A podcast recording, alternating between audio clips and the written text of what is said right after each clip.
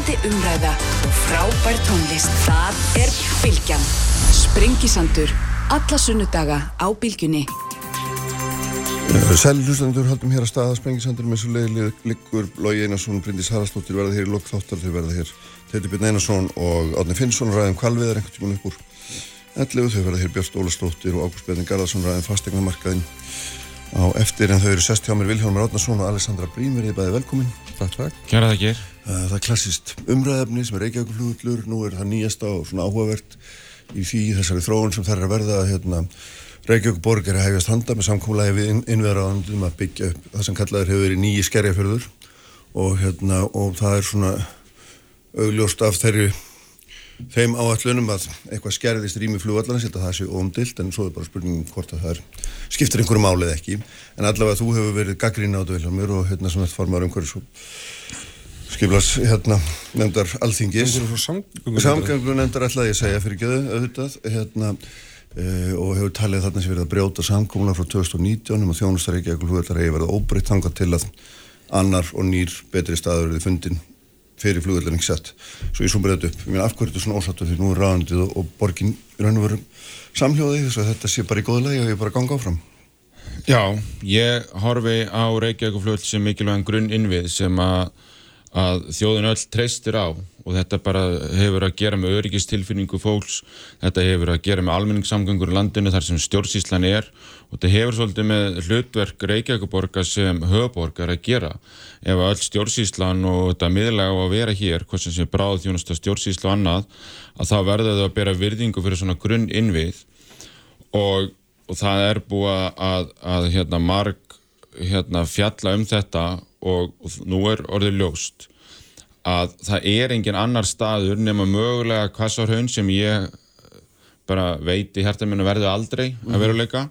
En, en þó það myndi allt saman ganga 100% uppvarandi Kvassarhaun þá eru að tala um fyrsta leið eftir svona 30 ár Reykjavíkuflöðlur er að þurfa þarf að sinna þessu hlutverki næstu 30 árin og ef að þetta ætti að ferði í keflaug þá þurft að gera miklu betri samgöngubætur sem tekur líka önnu 30 ár til mm. Reykjanes eða færa stjórnsýsluna og bráða þjónustuna þangað og þannig að ég hef bara ekki skilið af hverju uh, skipla sig vildur Reykjavík þurfa alltaf að vera að tefja eða þrengja að grunn innviðum og, og hérna einhvern veginn að keira svona hratt fyrir svona mikla þjættingu fyrir fastegnafjölugin en, en þegar að þarf að skipleika grunninn við eins og sundabraut og þá er gengur ekkit í því að, og þá þrengja flugullinu þegar það er nógu öðru byggingalandi allstæðir í kring sem er hægt að gera mm.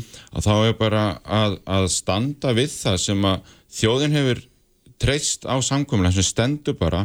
Það á ekki að skerða ekstra öryggi reykjaugufluglar fyrir annar jafngóður eða betri staður í fundin mm -hmm. og af hverju getur við ekki bara treyst því og unni út frá því?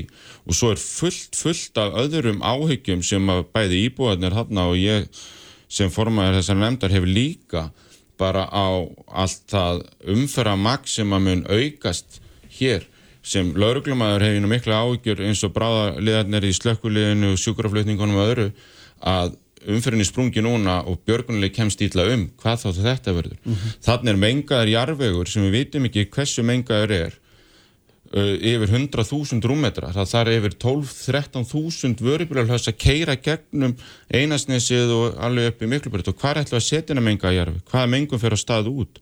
Þannig er eina fáu ósnortu fjörum Reykjavíkuborgar og hérna það er allar stopnarnir ríkisins sem ekki veita umsögnum þetta skipla sem hafa áhyggjur Hafranssonarstofnun, skiplastofnun, náttúrfjörðarstofnun vegagerðin, Ísafi það er allir sem hafa áhyggjur af þessum áformum. En samt þarf einhvern veginn að, að halda þarna áfram bara til þess að, að, að sína mátt sín gegn Reykjavíkuflugulli þessum mikilvæga grunn innviði þjóðurinnar. Mm. Alessandra, þetta var, var heilmikið lestur. Þetta var heilmikið lestur. Þú fær fyrir umhverfs og skipulasvið Reykjavíkuborga núna eða nefndinni. Já. Ráðinu. Ráðinu. Já, ráðið heitir það vist, já. Er þið að farið á gist? Þetta hefur alltaf verið lengi undirbúningi. Tælið þið ykkur að vera með fastlandundi fótum? Þessu ekki að skerða og svo framvegis? Já, ég tel að við séum bara með mjög fastlandundi fótum og við erum ekki að skerða þær ekstra öryggi, við erum ekki að skerja öryggi, sjúkra, skerða öryggi sjúkraflugs og við erum bara að gera þetta með allir þeim hætti sem þarf til þess að þetta gangi bara vel eftir. Byðin nýja skerðað fyrir Hefur, hönnunin hefur unnið til verðluna, er bara mjög græn og manneskjuvæn og falleg og hún er líka bara mjög nöðsynleg upp á að bara annað húsnæðistörf. Það eru eitthvað um 700 íbúðir í fyrsta fasa og hérna, það bara er bara frekar erfitt ef það þarf að fresta því eitthvað mikið. Það er líka því við komum að sína umferðina mm. Eh, hluti af stefnuborgarinnar að þjætta byggð þannig að við fjölgum sko atvinnutækifærum östar í borginni og húsnæðismöguleikum vestar í borginni sem að á að eh, svona jafna út aðeins þessa miklu umferðarþörf fram og tilbaka í borginni kvölds og morgna. Eh, það er auðvitað þannig að allur jarðvegur verður hreinsaður, það, það er bara fyrsta skref, það verður aldrei byggt í óhreinum jarðvegi, já þannig. Og öðna, það er allir, auðvitað skilja fólk hafi áhegjur og mm -hmm. kannski svona svo ég leif mér þess að fara inn á það, ég skil alveg að einhverju leiti sjónamið þeirra sem eru á mótið þessu. Og jáfnvel þó svo að þau á endanum sannfærist um það að það sé ekki beinlinis sko áhrif á veður, veðurfari eða vinda þannig að það stopni flugi í hættu þá upplifaðu bara að þetta sé einhvern veginn svona skref í því að þrengja að flugvellinum og eru á mótið í prinsip sko og það er í rauninni ekki það sem þetta er við erum með samkómulag, við erum að standa við það og mm -hmm. það er mjög mikilvægt að það sé skýrt að innviðarraðanetið Ísafi á Reykjavík og borgir alveg sammálum það að þessi uppbygging er ekki að brjóta samkómulagið, það er ekki ástæði til þess að býða eða hætta við og það, þó að það séu einhver áhrif þá séu, séu þau af þeim eh, toga að það sé hægt að koma til móts við það bara með mótvæðisækjum. Yfirleitt er það ekkit floknar heldur um bara að hafa samband við flugstjóra og láta hann vita af, öðrum, af breytum aðstæðum eða í vestafalli kannski að skipta um flugbröð. En, en hérna, ég, ég, ég skil að fólk hafi þessar áhyggjur mm. en auðvitað myndu við aldrei vilja brjóta samkvömmulag því að þetta er samkvömmulag sem snýst um málamiðlun og það sem hefur einkjent þessi mál í síðustu 20 rúmlega árin er algjör skotgrafa pikkföst staða. Og það sem einkjennir kannski Sigur Inga umfram aðra sem að ég er þó, ég og Sigur Ingi er mjög ósámála um þetta mál í grunninn. Það sem einkjennir hann ólíkt mörgum öðrum er að hann virðist vera sko áhuga samari um að finna einhverja málamiðlun sem getur lengt málunum jáfnveil þó að sé eitthvað sem hann er ekki 100% ánaður mhm, með mm -hmm. heldur en að fast, halda því fastu í nákvæmlega sömu skotklöfunum í 30, 40, 50 ári viðbútt ja. og okkur finnst það mjög mikilvægt að klára þetta eitthvað við En þú, er, finnst, þú ert alveg sannfærið um það að, að, að, að því séu það engan hátt að svona þrengja þannig að flugvallarsvæðinu að það sé að hægt að líta á þetta nákvæmlega það er nú yfirlýstur vilji meiri hlutans í Reykjavík að völlurum fari, ekki satt? Jú, jú. Og það hann átt að gera það ja, í áfengum, já, eða... Já, eða sko var það þannig að það er yfirlýstur vilji allavega hana, já, pírata og samlíkingarinn áru í held viðreysnar. Já, akkurat. En öðna, oft, þetta er, þetta er í bara grunninn samkómulagsmál Erum, ég persónulega myndi vilja fá flugvöldin miklu fyrr og ég held reyndar að 30 ár séu Þú myndi sko, vilja fá hann í burtu miklu fyrr mennur Já, ég myndi, já, fá, já, ég myndi já. vilja fá nýjan flugvöld miklu fyrr og fá þennan, þennan í burtu miklu fyrr Það er órunhæft, þú veist það Kanski er það órunhæft og það er bara allt í lægi eða þú veist, ef það er niðurstaða eitthvað svona málamílunar og samkómulags mm. það, það er ekki verið að gefa okkur eftir eitthvað samkómulag algjörlega einlið að við erum líka að gefa eftir þessa tímalínu sem við sáum fyrir okkur að okkur leiti 2024 á sínum tíma og segi, mér er kannski 30 ár full svart sínt en einhvað síður, þetta er bara spurning um sko, ætlum við að leysa þetta eða ætlum við að berjast um þetta enda þú, þú ert enn þeirra skoðunar að það sé að þetta fari kvassarhæginn þrátt fyrir eldgóðsinn Ég held það, auðvitað erum við bara býð eftir niðurstöðu á veðurfari og eldsumbróta mm. svona bara líkum.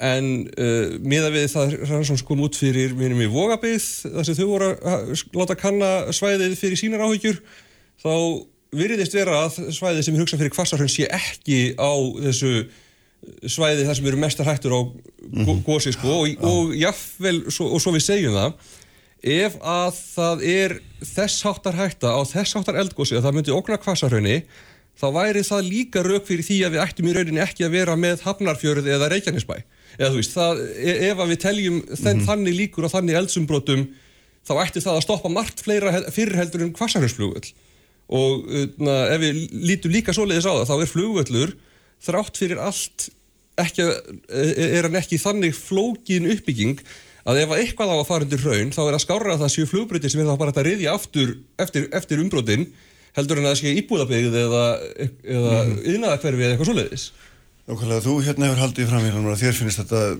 finnst þetta sé sem sagt eh, verið að brjóta þetta samkomin ára 2019 Já, Þú og- þeirra skoðan að þrátt fyrir hérna yflýsingu innverðans sem Já, að með málið. ég, ég hef alveg verið mjög hissa yfir þessari yfirlýsingu sem að kom þarna.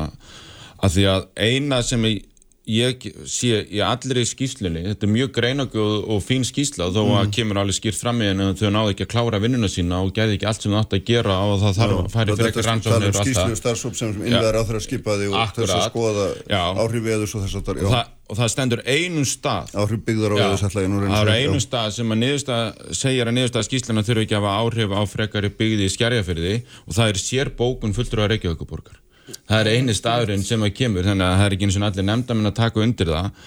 Og það sem að það kemur svo skýrt fram herðu, það þarf að fara í mótu þess aðgerðir hollenski sérfræðingunni sem að er nú alltaf verið að vitni hann segi, herðu, miða við litla, lítið þorp í kringum flugull, ekki háreista borgarbíð, það er bara risa fossendu breyta þannig að það eru fullt af veðurfæs upplýsingum sem að Ísafi og veðurstofan er að skoða núna sem á eftir að gera. Hvaða mótaðs að gera og gera, hvað áhrif að þá eftir rannsaka þetta allt saman og svo er bara skrifað strax samþýtt samkomur, hérna skipulagið bara viku setna í borgarstjórn lóðunum útilt og að fara í miljardakrónu jarðvegsskipti.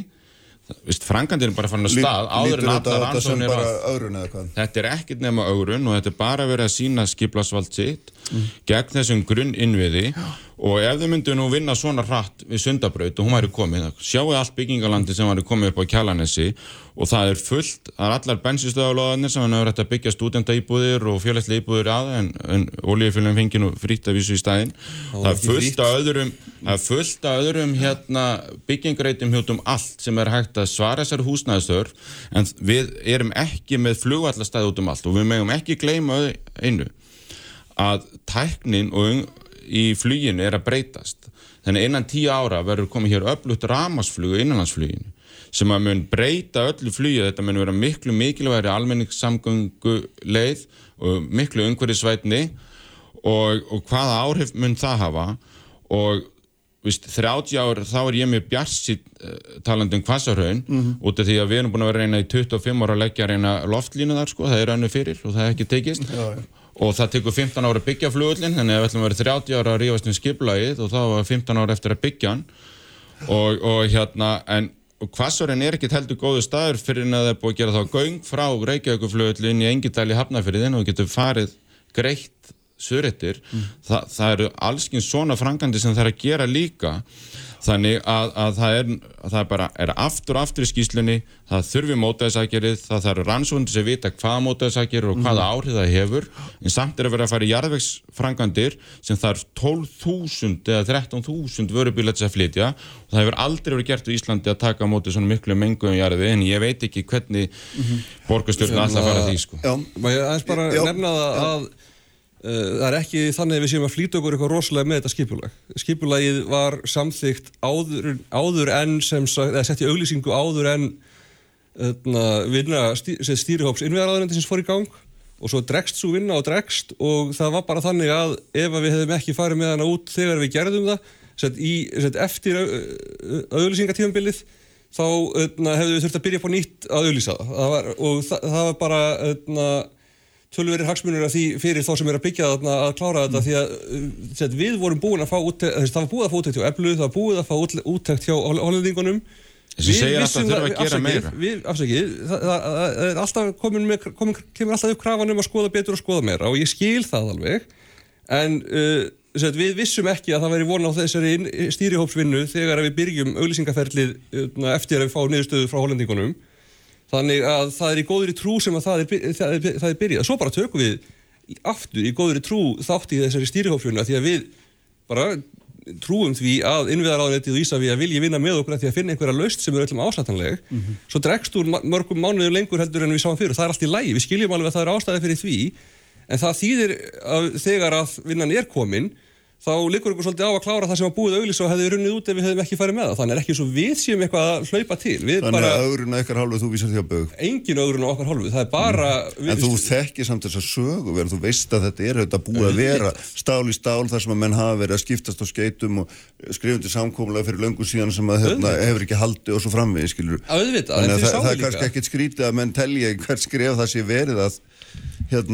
að að steita nefan. Já, en, en- við erum núna með gildandi samkomla svo ég Já, fá að svara já, þessu. já. og auðvitað viljum við standa við það. Þrátt fyrir allt, þó að það sé á lengri tímaramma heldur en við erum kannski að vona þá trúum við í að það sé allunin að standa við þetta samkomla við okkur og við höfum enga ástæðu til þess að vilja eitthvað að setja það í uppnámi eða brjóta það. Uh, þegar að borgin í gamla daga hefur farið í einhverja aðgerði sem að vissulega mætti líta á sem einhvers konar ögrun það hafi verið í því umhverfi að borgin telji að verið sé að draga sér asnæðurum eða hunsa gerð samkomulög sem hafa verið gerð áður. Nú er bara svo stað alls ekki uppi. Við erum bara í, í rauninni góðu samstarfi með gildandi samkomulag sem við teljum að báðir aðilar ætlið að standa við. Þannig að þú vísar því algjörlega bög að það verði einhvers konar þjónustskerðing, einhvers konar hérna, skerðing á umhverfi sem að geti með einhverjum hætti túlka sem brota þessu samkómulega frá 2019. sem, algjörlega, mm. það, það, það geti ekki það á ekki geta tólkað sem brota á þessu samkomulagi ég ætla ekki að segja, þú veist, aðstæður geta breyst eitthvað en það er ekki með hætti að setja fólk í hættu, ekki með hætti sem að setja rekstrarör ekki flugvallar eins í uppnám og það er algjörlega hægt að fara í þær mótvæðist aðgerðið sem þarf til þess að þetta sé bara ekkert mál. Við erum að tala um mjög litla breytingu á notkunarstuðli og ég fylg enga með réttum mótvæðisaðgerðum uh, sko, hæðir húsana þegar það komið fram í náðan að þetta væri eitthvað risa bygg þetta er ekki, hún fer ekki upp í öryggisbilið í rauninni en það eru einhver hús sem að kann, kannski loftnetin eða eitthvað svona utanádæmi skagar upp í það. Þetta er ekki hægt að útiloka alveg einhver áhrif.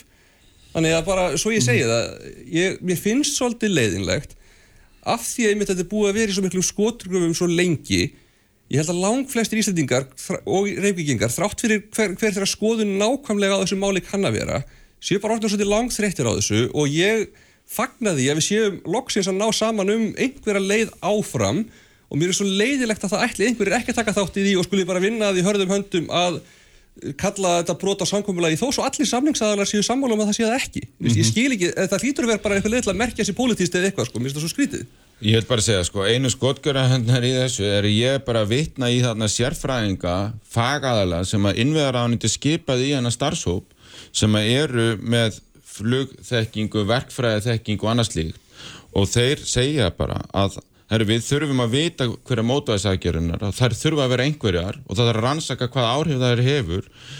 Og það er fullt af gögnum sem að þessi starfshópur komst ekki gegnum. Þannig þeir að segja að þetta er ekki mín orð að þetta sé að skerða heldur er það bara niðurstað hópsins. Og einu staðnum sem segir að það sé bara hægt að fara á leiði ferð núna án þess að klára þessa rannsóknir og án þess að rannsaka mótaðsakirinn áhrif þeirra er sérbókun fulltur á Reykjavíkuborgan ekki verkfræðingan og fluguríkis sérfræðingan og allt í hópnum. Þannig að það er nú það. En ég er líka að benda hérna á það að er lík, við erum með fullt af reytum hér á höfuborgustæðinu sem er hægt að, að þétta byggð og, og byggja upp og annað slíkt. En einhvern veginn liggur mikið á þessum þrátt fyrir að allar umsagnar aðalega stofn hérna ríkisins ekki bara sem tengist flugullin sem tengist ungurisvend, náttúruvend þetta er nú eina af fáum óröskuðu strandlengjunum sem stendur mögulega til að friðlýsa fjölbreyti lífríkisins eða lífræðilega fjölbreytileikir þarna hættu, við ekki henni segir að það er ekkit umframódel þetta, þetta er að setja bráðaðalega hættu þannig að við sleppum bara flugvöllunum þá eru tíu atrið þarfur utan sem að, stofnarnir ríkisins íbúðarnir eru að hafa verulegar áhyggjur af en samt á að halda áfram í skipulegið þrátt fyrir alla hérna ónýttu byggingareitina ég vil nú bara kannski taka fram að við erum að byggja upp mjög viðsvegar í borginni á þessum bensinstöðalóðum, á þjættingareitum uh, í Úlfarsardal, í, á Kjalarnesi, í Gufunesi, við erum að byggja upp bara út um alla borg, á, út á mismundi tímarama. Hlut af ástæðinni fyrir því að okkur finnst það mikilvægt að halda áfram með skerjafjöðin er að skipulaði þar er hvað lengst komið áfram. Og ef við ætlum að ná inn 700 íbúðum á sama tímarama og við getum náðum í skerjafjöði þá gengur það mjög illa upp af því að það er bara búin að fara mjög mikil vinna og undirbúningur og tími í að undirbúa þetta þarna. Það myndi alltaf þurfa að gerast setna þó að það sé alveg kannski hægt að finna 700 íbúðum, íbúðum annan stað þannig er búið að skipulegja það þannig er búið að uh, búa til hver, að- hverju skipulagið og setja auglýsingu og ná, finna veist, ég ætla bara svol- svolítið að hafna því að þetta snúist um eitthvað annað en það. Akkurat þarna, þá liggur ykkur bara á að byggja upp húsnæði af því að það er bara töluveri vöndun á því. En svo skulum við hafa hreinu, það búa 700 mann sko í, á, á, í skerri fyrir í dag, þarna er að tala um 700 íbúðir í fyrri áfanganum sko og það er ein gata þarna inn sem er með hérna sprunginu umfyrðaþunga nú þegar í dag þannig að þetta hefur verið stæðsti botlangi á Íslandi. Þannig að þetta er bara stort örgisatrið líka fyrir íbúana. Þetta er umhverfis svo skulum ekki gleyma því að íbúðina sem vera næst flugullinum það þarf að þinglýsa á það að megi ekki úr opnalegu gluggi út að háaðamengun fara heilbyrðiseftirlitun það er ekki eitt, það er allt við þetta skipulag Sko, ég þarf nú kannski bara að benda á það að uh, það, það að fjölga húsnæði þarna er ekki endilega bara til þess að auka umferð vegna þess að það fjölga, það að fjölga íbúðum gerir það líka verkum að ein íbúð á uh, sagt, það gerir það líka verkum að það verður meiri rekstargrundvöldur fyrir nærþjónustu, fyrir verslunum þannig að þú þarft ekki jafn mikið að leita út úr hverfinu fyrir allt sem þið vandar þannig að vissulega verður fleira fólk sem býr þarna en það verður ekki jafn mikið þannig að það þurfa að fara sérferð út úr hverfinu með börn í skóla, sérferð á leikskólan, sérferð í verslun. Auð, auðvitað, er, ég get ekki útilokað að það verði meiri trafík en hún er ekki, þetta er ekki alveg einhliða sko.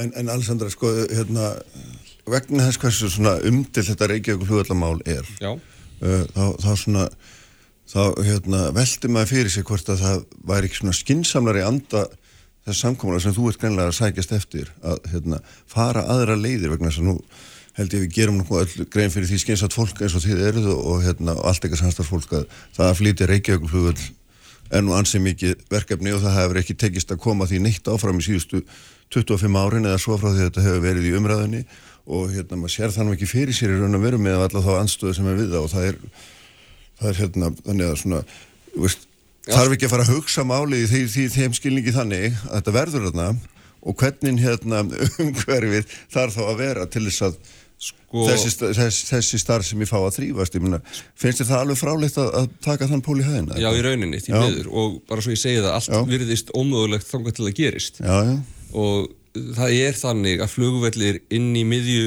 mið- miðjum borgum eða mjög nálagt þéttu, þéttum borgarkjörnum þeir viki yfirleitt með tímanum.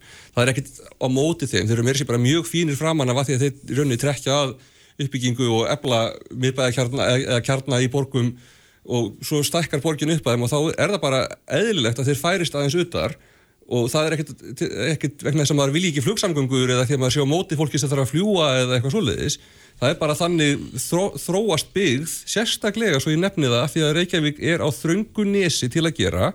Uh, tölvert mikil hluti af þessu þrönga nesi uh, er, fer undir flugvöll sem gerir það að verkum að borgin þarf að vera í svona alþjóðlegu skilningi ansi svona löng og mjó sem er ópraktísk plásnýting uh, það er, hvað segir maður? Það, er líka þannig að na, við, við teljum að við höfum sínt mikið samningsvilja það er líkur alveg fyrir að þessi uppbygging þarna á ekki að leggja að skerða rekstra ekki flugvallarins en okkur finnst líka svolítið mikilvægt að við getum sínt á eitthvað að það, það sé til einhvers að sína langlundur geð og semja og svona, við þurfum ekki alltaf að vera aðilinn sem að bakkar og býður og sínir þúlum með því En- en aðeins? já, já. Vegna þess að það er líka þannig að þegar hvað var kringum 2000, þegar, var verið að ræða möguleikan allir framtíðar á þessum flugvelli þá voru þeir sem voru mjög fastir á því að hann ætti að vera áfram í varsmýrinni að færa rauk fyrir því meðal annars með því að benda og það væri ekkert mál að byggja alveg upp af flugbreytunum og bara sí- voru sína einhverjar afstöðumyndir með það að þ- þess vegna þyrfti ekkert að færa hann sko og núna hefur það breyst sko. Þannig að, meiri, sé- að þeir aðeinar sem að vilja haldunum þarna vilja líka ekki byggja nálatunum já. En bara- þeir sem að vilja flytja þeir eru samt standa í því að byggja upp spítala í 200 metra fjallæð og hérna vilja fjölga fólki allt í kringum hann veist, þetta er svona, það er náttúrulega tógast mjög margt á í þessu, Auðvitað. auðvitað gerir það það. og, hérna, og er ekki staðsetning spítalans einhvers konar yfirlýsing um það að það sé hérna, að það sé að minnstu ástu torsóttar að flytja þarf ekki að vera sko, það, það er ekki þannig að það þurfa að vera hægt að fljúa f- flugi inn í andir í spítala til að það sé í lægi ef þú sendir ekki kannski mann í sjúkraflug í þannig lífsættu að það sé spurningum líf og dauða fyrir hann hvort að það sé fimmjörnuna akstur af lendingaflugvöldunum inn á, á, á bráðamótöku eða hvort er sér að 20 mínuna akstur ef að, það, ef að sá munur er munur lífs og dauða þá færði ekkert með henni sjúkraflug. Þá gerur það svo getur á upphástanum sko. mm, já, ég, ég, ég ætla ekki að hætta mér inn í þetta. En þetta er bara greiðilega mikilvægt. Ég vil bara segja, meirul, við, við vitum það að meirlutur reykinga vill hafa flugvöldunum áfram. Við, þurfum, við búum einu strábylista landi heimsko þannig við þurfum ekki alveg og því þjættara og ég er ekkert á móti þjættingu byggðar en við þurfum líka að venda grænu svæðin. Það er einhvern veginn alltaf verið að, að, að, að þrengja á grænu svæðinu hér hvort þessi Elliðadalurinn eða, eða Vasmýrin eða hvar við erum hérna í skerjafyrinum núna annars líkt og, og hérna laugadalurinn hérna og beint og móti en einu umræðan líka. Og þannig að við þurfum bara að hafa það líka í huga að að þetta er bara mikilvægt svæði og mikilvægt grunninnviður sem að þarf að vera aðna mm -hmm. og ef við þettum byggðina í þessu strjábulilandi ómikið að það hefur líka ekki góð félagslega áhrif sko, mm -hmm. ef þetta er ofþjætt aðna og þannig við þurfum að venda þessi fáu grænu svæði sem er eftir og, og nýta okkur það hérna starri landsins okkar og, og klára bara sundabrautina sem fyrst þannig að við getum farið að byggja meira á kjallanisinu. Þú ætlum að það er að fá að því bara já, því að það hefur verið nefn núna nokkur sinnum að þá erum við með samkómulag um sundabraut og það er bara verið að vinna út úr því hvaða leið sé best í því og það hefur aldrei í rauninni setið staðið á okkur. Það sem hefur verið er að við teljum ekki að það sé al, full alvara ríkisins hálfu að fjármagna uppbygginguna. En núna erum við bara búin að ná saman um það að kera þetta áfram og ég er ekkert mm. sjálf brjálaðislega spennt fyrir sundabraut. Ég er ekkert þannig á mótenni þannig að fyrst að við teljum að þetta sé komið í hús þá bara vinnum við að því saman. En svo ég segi það sko Ísland er ekki bara eitt, eitt strjálasta land í heimi þannig. Reykjavík er einn strjálasta ef ekki svo strjálasta höfuborg í heiminum og það er einfallega mjög léleg plásnýting við erum með, svo ég segja bara, mjög mikið af mjög fínum grænum svæðum. Elliðardal, við erum með öðna, mm. öskjulíðina, við erum með strandlengjuna, við erum með heiðmörkina, við erum með bara ótrúlega margt. Og það er engin að tala um að fara eitthvað að byggja á fullu þar. En við erum að þjætta það sem við erum. Það er bara betri nýting á innviðum, það drefur um trafík það fjölgar þeim möguleikur sem getur farið gangandi það gerir manneskjulegra umhverfi. Þannig að þú hittir fólk svona á förnum vegi og sett ekki bara að kera úr bíl inn í kjallara og svo úr þeim kjallara inn í næsta hús og í kjallara þar og lappir upp Skiplagsfræðin sagði að því þjættara og því fleiri og starri blokkir því minni félagslið samskipti eru. Uh, það er ef allir eru á bílum að kera á milli bílakjallara. Já, ekki... við skulum ekki fara út í bílakjallara en mér langar e, bara eitt, eitt í lokin vilja með þinn flokkur, hann er bara gallharður á þetta sé, hérna, þetta sé ófremdar, hérna, þetta sé leiðir ángátt og þéttlega berjast gegn því að þetta haldi áfram. Já, já, já. við erum alveg, alveg þar að, að, að þetta og það eru marga landsundar hérna, áleiktanir fyrir því og við mm. stöndum alveg fullu þar um að þessi grunninn við þurfi að, að, að vera til staðar og, og það þarf að hérna, tryggja uppbyggingu hans það er líka viðhald á samgöngumiðstöðin sem er nú ekki komin og það þarf að viðhalda þessum fljóðlum en að annar og betri kostur er ekki komin Já. þannig að við hefum alltaf sagt herru, við þurfum að standa vörð um Reykjavík fljóðl og hann þarf að, að vera í, í sama eða betra ástandi og er að byggja upp nýja flugstuð þarna á þessar samgöngumiðstöð sem áttur að löngu komin. En ef það finnst hérna annar betri kostur og þá er allir við ekki standið í vegi fyrir að fljóðlunum fari en það þarf að þá bara gerast fyrst og, og, og vinna sangam tí og ég bara minni á allar þessar tæknibreitingar sem eru að koma í ljóka Já, ég ætlaði bara að segja að hérna, ég vona að sjálfstæðslokkurinn komi bara með okkur hinnum inn í nútíman og takki þátt í samtals og hérna, málamjölunar stjórnmálum frekar heldur en þessum blessuðu skotgröfum. En bara takk fyrir að bjóða okkur. Takk fyrir að koma bæðið tvö hérna. Þetta voru ekki fyrst orðin þessar umröðu sástekk þau síðustu heldur. En ég ætla að hjalla hérna um fastegna markaðan og eftir Björn Stólustóttur Ágúst Bjarni Garðarsson. Sprengisandur Alla sunnudaga á bylgjunni. Alla sunnudaga á bylgjunni. Sæli aftur lustundur, uh, þau eru farin frá mér Alessandra Brím og Vilhelm Ráðnarsson, þau eru hérna í Lókþáttarlógi, uh, Einarsson og Bryndís Haraldsdóttir, svo verða þeir hérna Átni Finnsson og Teitur Byrn Einarsson og eftir þá fjöldum við nú um kvalviðar. Uh, það er annað klassist deilumál auðvitað, uh, svo Reykjavík flugullir er náttúrulega en sestir hérna hjá mig Björn Stólastóttir, sæla blessuð, velkomin, fyrirvendu umhverjus og öllundar á þeirra auðvitað, en núna framkvæmtastjóri Yðu fastegna þróunafélagsins Yðu Já. og hérna í símanum er Ágúst Bjarni Garðarsson sem er þingmaður framsvonarflokksins, sælu blessaður Ágúst. Já, komið sæl. Við ætlaði hérna að byggja ykkur að halda þess áfram að, að hérna ræða við mig um fastegnamarkaðin sem við höfum verið, ég hef verið að fjalla hérna um síðustu síðustu fjórar, fimm vikurnar uh, svona frá ýmsum hliðum og hérna Ágúst, kannski rétt ef ég má byrja á þér þú hefur gaggrínt hérna gaggrínt í Sælabankan mjög harkalega fyrir hans, hans svona framgöngu segir að hann gangi alltaf hart fram í því að, að hérna hækka vexti og því að finnst svona vera ófremdra ástand framundan sérstaklega með tillit til þess er það ekki að samtöku innanins hafi líst því verið að, að uh, verktakar séu svona frekar líklega til að draga saman heldur en að hérna heldur en að auka við eins og þarf samkvæmt, samkvæmt hérna, áformum um 35.000 íbúða uppbyggingu næsta árum. Akkurat. Eh, kannski bara til að byrja með, sko, að þá vil ég nú bara þakka þið fyrir þessa góðu umfjöldu sem að hefur verið um húsnæðismál í, í þínum þætti. Og Og veist að skjall hjálpar þér ekki neitt. Nei, Allt í eru- lagi, minn, ekkert. Já. En, það er auðvitað þannig að, að húsnæði er að eina bara grunn þörfumannsins og hefur áhrif á allt okkar daglega líf, bara allt frá andlegri hilsu til bara efnaðsleiks stöðuleika og bara aukinar samhældni í samfélaginu og því miður þá bara virðustu vera að, að fara í þá átt að, að hér er bara skortur á húsnæði, við erum ekki að byggja nú og við erum ekki að uppfylla, uppfylla þessa uh, grunnþörf. Og þetta er auðvitað okkar langstæsta viðfangsefni stjórnmáluna á næstu mánuðum.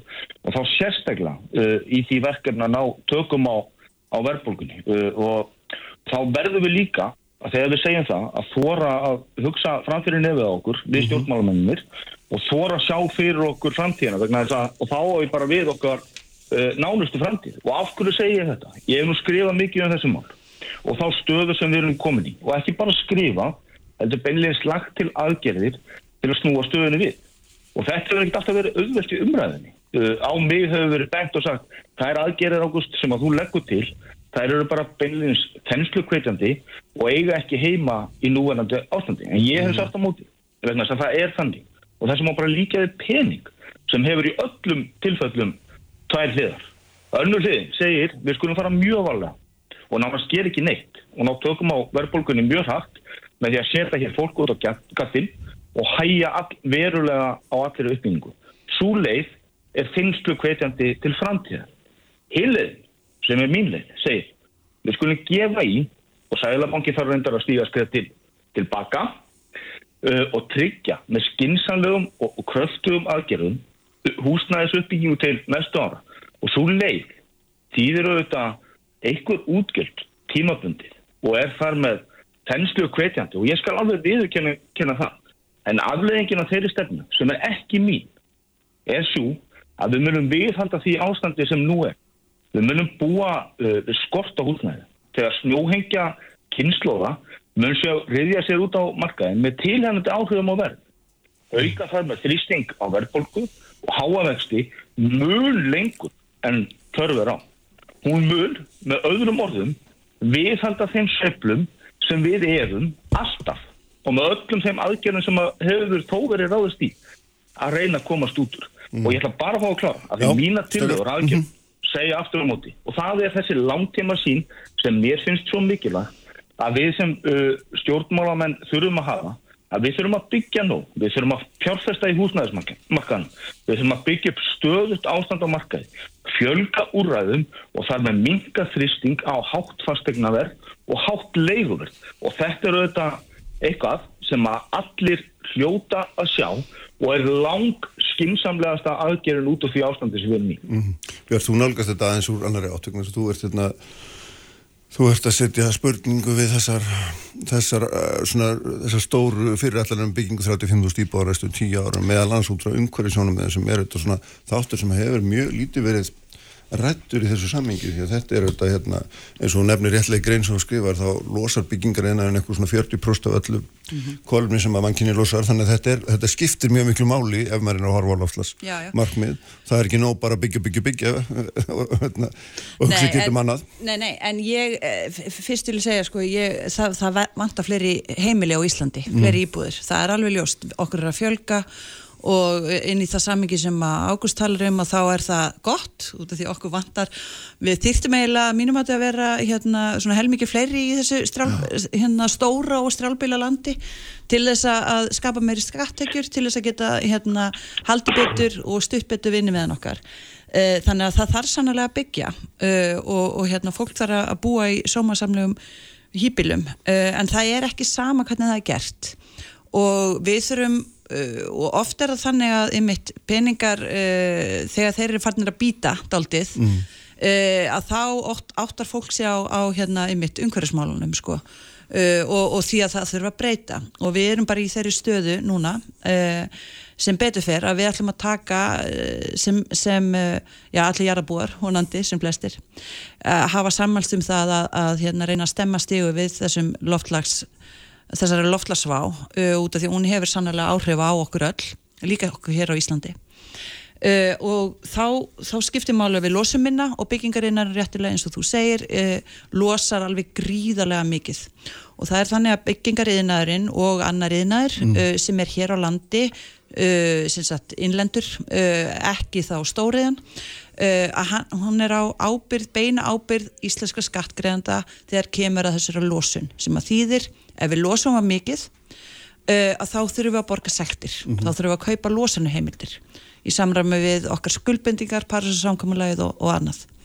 og þetta er bara uh, fara að gerast uh, í mjög náinni framtíð. Við erum nú þegar byrjuð að borga fyrir það að hafa ekki hérna synd skildum okkar í samræmi við Kyoto-bókununa. Það er á fjárlögum eins og þingmaður þekkir vantilega. Uh, 800 miljónir sem að skattgreðendur greiða út af því að við erum, uh, vorum ekki nógu duglega að hérna rækta skó og, og greiða land. Og, en þess, þess, þessar uppaðir verða mun, mun herri árlega þegar framlega stundir og innan 57 ára uh, ef 7 eh, ára, þetta er 2030 sem mm. að Parísasamkommulagi fer, fer að kika inn. Og þá skiptir svo miklu máli núna þegar við viljum spýta í og, og, hérna, og sem er mjög vel að setja fram stefnur, svo getur við rætt hitt hérna, verðbólgun og allt það, það er, það er allt önnur umræða Já. og bara hérna skiptir auðvitað líka máli, miklu máli. Uh, en, en þá þurfum við að huga því uppbygging eh, það tekur ekki ár að, að hérna, pæli því hvernig maður byggir eina blokk eða, eða á að brjóta landi eða skipilga hverfi eða hvað. Að það þarf að hérna, huga þessum hlutum með miklu lengri fyrirvara. Og þá er ekki setna verðna að byrja núna. Mm. önnur löndi kringum okkur uh, eru farin þá leið til þess að stemma stígu við þessa lósun til þess að akkurat að svo sá kostnæðar lendi ekki á skattgreðendum að uh, setja innanum hömlur. Mm. uh, þú reynilega fær ekki byggingarleifi nema að í fyrsta lagi vera búin að rekna út kolumnisfótspór byggingarinnar og svo kom alltaf sífælt meiri jákröfur um það að, að hérna, taka upp nýri og nýri aðferðir og leiðir allt kostar, þetta, allt kostar þetta peninga líka og mun vantilega verða til þess að mískosti í Í, til skemmri tíma hækka verð meðan, meðan þessi breyting er svona Já, sko, erum, ég stýri fastegna þrónafélagi sem heitir Ríða og, og við byggjum engöngu svona húsnæði. Mm -hmm. uh, og það skiptir auðvitað máli og aðalatrið uh, hvað varðar það að, að þetta eigi að kosta meira er, er það að þú þurft að fjárfæst í þekkingu aðila. Uh, og, og þú þurft að vita hvað þú ert að fara að gera. Mm -hmm. en aðferðnar sjálfar eru algjörlega þekktar og, og hérna, enginn gefisindi og þannig að þú þarf bara að fara að taka þér upp og þú þurft að hafa hönnuð í, í liðmeður, þú þurft að hafa arkitekta og verktaka sem að ganga í takt. Uh, verktakar, ég minna þetta er aðferð sem þið þekkja en þeir þurfu bara kannski að uh, nota vistverðin steipu sem að gera það að verkum að, að þið slá ekki frá jafn, rætt og áður. Uh, og svo eru við auðvitað að tala um sem að skipti mm. mestumáli upp á, á losun að við séum að endur nýta öðlindir, að við séum ekki sífælt í þessari línulegu nálgun sem er þessi innar í, mm. tekur öðlindir uh, nýtir þær og svo eftir ákveðin tíma þá er þeim hend mm -hmm. uh, við þurfum að færa þessar uh, færa öðlindarnar afturinn í ringrás og það er bara spennandi nýsköpunar tækifæri fyrir alls konar aðila. Uh, og, og, og að lokum vil ég bara segja sko, innarinn á Íslandi og það er komið vel óvart Uh, að fólk er bara mjög tilbúið þessa verkferð. Mm. en þá þurfa uh, stjórnvöld Ágúst og, og, og fleiri að, að hérna, setja þessa kröfur fyrr sem að búið er að undirbúa af húsnæðs og manneskustofnun og það eru góðu fréttundar í þessu. Mm, út af því annars fyrir við að borga án, án já, Já, Mjög brátt. Akkurat, Ágúst, ég það er, þetta er það sem er mjög svona áhugavert að tefningu saman því þú ert svona uppbyggingamæður, þú vilt hérna, gera það hratt og vel og, hérna, og, og, og, drífa þetta áfram meðan að þarna, við vorum bæðir með þessu, við, við þarfum núna frá Björn en, en hérna líka vorum með arkitekta fyrir, fyrir teimu vikum sem sagði að það væri í stöðin í dag, að það væri skynsanlegast að fara hægt, frekar en hratt. Og það væri til nóga byggingalóðum hérna, nei, af heim, að, af höfbruksvæðinu var til 12.000 heimildir fyrir byggingalóðum þegar, hérna, þegar búið að útluta þeim að þessi þörf sem að menn var að tala um hún væri ofmetin sko. Já, ég bara er ekki sammála því sko, en ég Nei. er náttúrulega... ég er heldur samla í- því Nei, gott, ekki ok. Ég, ég er bæði uppbyggingamæður og svo er ég mjög umhverfisinnar og, ég, Já. hérna, og ég er alveg sammála þetta er mjög áhugaverð umræða sem að uh, Björn er hér að- að að flagga og ég vil bara meina þá ég bara uh, tel mig þekkja það ágætla sem fyrir um sveitastöðumæður að yðnaðurinn er á leiðin í þessu átt og það fyrir einhvern veginn allir að taka höndum saman í þessari uh, mikilvægu vegferð. Og, og auðvitað er það þannig og það er alveg rétt sem að þú nefnir Kristna, þetta er aðeins stýrara, þetta er kostnaðasamara fyrir framkvæmdaðala, það er ekki þetta að rengja það, en við verum á móti að segja uh, stjórnvöld, bæði ríki og sveitafjölu, hvað er það sem að við getum gert til að liðka fyrir uh, umhverju svætni uppbyggingu. Og ég get bara nefnt á, það, er svolítið gaman að koma inn á þetta, því ég var hérna áður en ég þettist á þingværi sveitastjórnamaður í Hafnarfjörði og þar voru við, að ég held uh, uh, einna fyrst allra sveitafélaga bara hér á landi sem að innleitum einhvers konar kvataði þessu og við gerðum það með Alveg. þeim hætti að þeir framkvæmdaðilar sem ætluðu sér að byggja með umhverfisvæðum hætti annarkvort uh, samkvæmt bremstæðlunum eða svansvottur að þeir fengu afslátt af loðagildum og þetta er bara uh, ein leið uh, sem að stjórnvöld hafa hvort sem að sé hjá ríki eða sveitafélag til þess að liðka fyrir umhverfisvætni uppbyggingu. Það, þetta er auðvitað uh, og er bara mjög góð umræða en það uh, varðandi þörfina sem er á markaði af því að þú nefndir hérna þessa greiningu sem að uh, samtöku yðnaðarins kynntu nýlega og Já. að mínum að því svo ég fari nú úr einu í annað Já. er auðvitað ekkert minna heldur en uh, sláandi og hún er algjörlega og fullkomlega uh, á skjön við það sem löðsynlegt er að gerist á, gerist á þessum tímapunkti og það er auðvitað, við sjáum það bara það sem er að sliga og hefur auðvitað haft áhrif en það hefur áhrif um allt samfélag og það er auðvitað fjármaskostnaðurinn er orðin þingri uh, hjá framkvæmdæðlum bara í ljósi hækkun uh, á vöxtum og sala uh, hefur gengið hægar.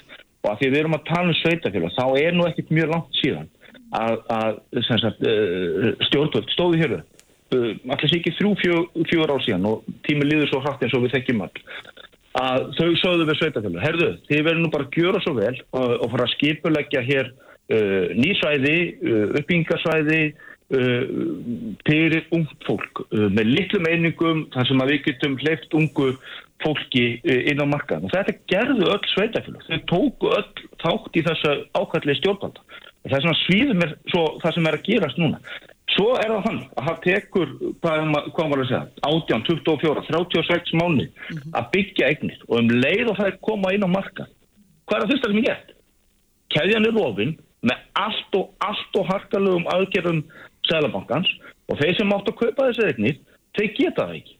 Og hver eru áhrifin? Jú, það eru ákveðnir hópar sem sitja eftir í, í núverandi ástandi. Og nú veit ég það bara og mér, mér veist allt í lagi að fólki gangi vel. En það verður að vera eitthvað vit í þessu og þetta má ekki bytna Hvað meinar að hann venjulegu nákvæmlega, hvað meinar alltaf Að eitthvað fólki gangi vel, ertu þá að vísi fjárstuna sem er að, að hérna, braska með löðunar eða hvað? Já, við bara sjáum það, um leið og kæðarofnar, fyrstu kaupmyndu komast ekki út á markaðin, uh, þeir tekju læri, ekki möguleikja, uh, einstæðir, þeir eru mjög erfitt og þá sjáum við bara og við heyrum á því að þeir sem eiga fjármagn er að kaupa þessar eignir. Og við, það, það, það þarf ekki annað heldur en bara að rýna kaupsamninga til að sjá, sjá hvað er að gerast. Þannig ég segi, uh, því miður, þá virðust við vera í, bara eins og staðan er dag, að stýra málum með þeim hætti að þeir ríkari verði ríkari og veljulega fólki uh, situr eftir. Og það er bara hinn blákaldi veruleiki en hann er samt hægt að leysa með skynsanlegum aðgerðum og samhendu átaki allra sem koma að málum. Þannig að Ég segi bara, ég meina, það er, og ég er alveg sammála því. Já, meina, það- hleypa Björt af- það- já. Það er ekki nóg að tala, Nei, það er líka að gera. Já, já, það er Já, já, ég, bara mér finnst það mjög áhugavert sko, ég, hérna, sá sem er með lausnina á því hvernig við náum verðbólgunni er að hérna fá Nobel-sölun bara uh, út af því að það virðist engi verið með hana og, og, en auðvitað er það alveg ljóst að það sem að Sælabankin, hann er auðvitað í snúinu stöðu og hefur bara sagt við þurfum bara að taka í taumin og það verður sársakafullt. Og móti hefur, og mér finnst það svo áhugavert sko og, finnst það kannski að stjórnvöld þetta og þeir sem er í ráðandi stöðu eins og, eins og ágúst að taka til sín eh, hefur Sælabankinni bara verið að benda á ríkið og, og eh, um að draga úr útgjöldum mm draga úr, úr þessar þenslu og sagt, herri, þið verðið að, að setja tappan í sko. Uh, og, og, og það hefur verið leiðin sem að Sælabankin bendur á, en er ekki rætt hér til dæmis, að það þurfa að draga úr útgjöldum. Uh, en, en uh, þessi hérna peningur reyður auðvitað með hérna tvær hliðar og, það er annað sko sem að ég menna núna í þessum nýjustu fjárlögum frá honum fjármálaráþara Bjarnar Benditssoni að þar er til dæmis út að hér er verið að ræða íbúðamarkaðurinn, þar er dreigður úr hérna endurgreislu á vaski vegna vinnu við íbúðauppbyggingu, hún bara tekin. Uh, það hefur ekki ég meina, sá stuðningur hefur verið uh, undarfærin ár og hafði nýverið hækkaður og svo er hún bara tekin algjörlega af. Við sáum að hérna, það, það hefur skilað sér inn í Uh, og á að skila sér inn í íbúðaverð til lækkunar, hvað gerist það núna? Út að hér er verið að ræða um, um, um þessa dýrtíð. Og, og, og íbúðaverð er orðið of hátt og ekki að færi allra að hérna, komast inn á markaðin hvað mun þá gerast uh, þegar þær íbúðir fara út á markaðin eftir átjámáni, tvö ár? Þar sem að þessi stuðningur er, er, er búið að rífa hann úr sambandi en eins og ég segi það er hérna þetta er hérna þetta er auðvitað en, en þetta mjög svona, snúð já, þetta er mjög svona það er fórlega þegar maður ætlaði að vera svona hérna, vera göfur og svona fara í hérna, umhverfisvætni leiðir. Mm. en svo kallar markaðan þess vegna er áhugavert að fá því í dag að, að markaðan kallar náttúrulega á hraða. Hann kallar á Hann meiri það, hraða já. nú þegar skiluru og hann er ekkert að gefa svigrum Já. til þess að fara að hugsa aðferðir upp á nýtt Nei, inn í sko, þessu ástandi. málið það Kristján að þessar, þessar leiðir er alltaf þekktar. Já. við bara hérna horfum, ég er með í, í okkar uppbyggingar reit hérna nýra á frakkastýr með danska arkitektar sem eru uh, þekktir um allan heim og hafi hlutað hafa lotið marga, margar viðkenningar fyrir sínstörf á því að setja þessa ringrásar hugsun inn, inn í byggingariðnaðin og draga þannig úr losun í sín, sín, sinni uppbyggingu. Hann að við erum bara að tappa inn á þekkingu sem þegar er til staðar. Við þurfum auðvitað að staðfæra að einu sem þetta þarf er meiri hérna, er meiri samvinna á fyrri stigum í hönnunni. Það, það vita nú uppbyggingaraðalar er alltaf gott út því þá ertu komið í veg fyrir mistök setna og þurfa að vera að breyta. Þannig að þú gefur þessu bara aðeins meira vægi, ég er að tala um eitt, tvo mánuði sko. Já. og það er nú ekki stóru, stóru tölunar í þessu samingi alls ekki. Ágúst, hvernig hérna hvað, hvaða leið sérðu út úr þessu, hérna, þessu ástandi sem þú ert réttilega að lýsa með þessari háverburgu og hérna og, og jafnliða hérna eiginlega kröfu um hraða uppbyggingu og hérna greinilegu merkjum um samdrátt á sama tíma Já, ég held að, ég meina, ég bara hef sagt það og hef, af því ég sagði hérna á þann, það er ekki nóg að tala, það verður líka að gera og mér, hef svolítið tekið það líka til mín og ég, ég hef bara kynnt aðgerðið sem ég trú á að muni leita þann út sem að við einhvern veginn stöndum fram með fyrir. Uh, ég segi, við þurfum auðvitað Hefur innviðar á þeirra tekið vel í þeirra aðgerðinar?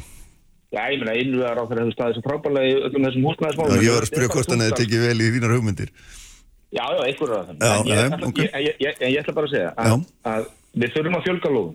Það, það er bara hinn augljósa staðnind. En, en ég er ekki að tala um að við þurfum að þennja okkur alveg endalust út og gera það með einhverjum uh, sturgluðum hætti. Við þurfum að, það þarf að fara saman og það er bara það sem ég hef sagt. Sveitafjölug verða að hafa svigrum bæði til þess að brjóta nýtt land en samhliða að sinna þéttingu byggðar. Og Þétting byggðar er, er mjög skynsalt, við sjáum það bara. Það, við þurfum að nýta innviðina sem við höfum betur, uh, gatnakerfið, skólana og svo framvegis og svo framvegis. Á móti kemur að þegar við erum í þessum þéttingaverkum, þau eru, þau eru bara kostnæðarsamari, þau eru dýrari og taka bara lengri tíma.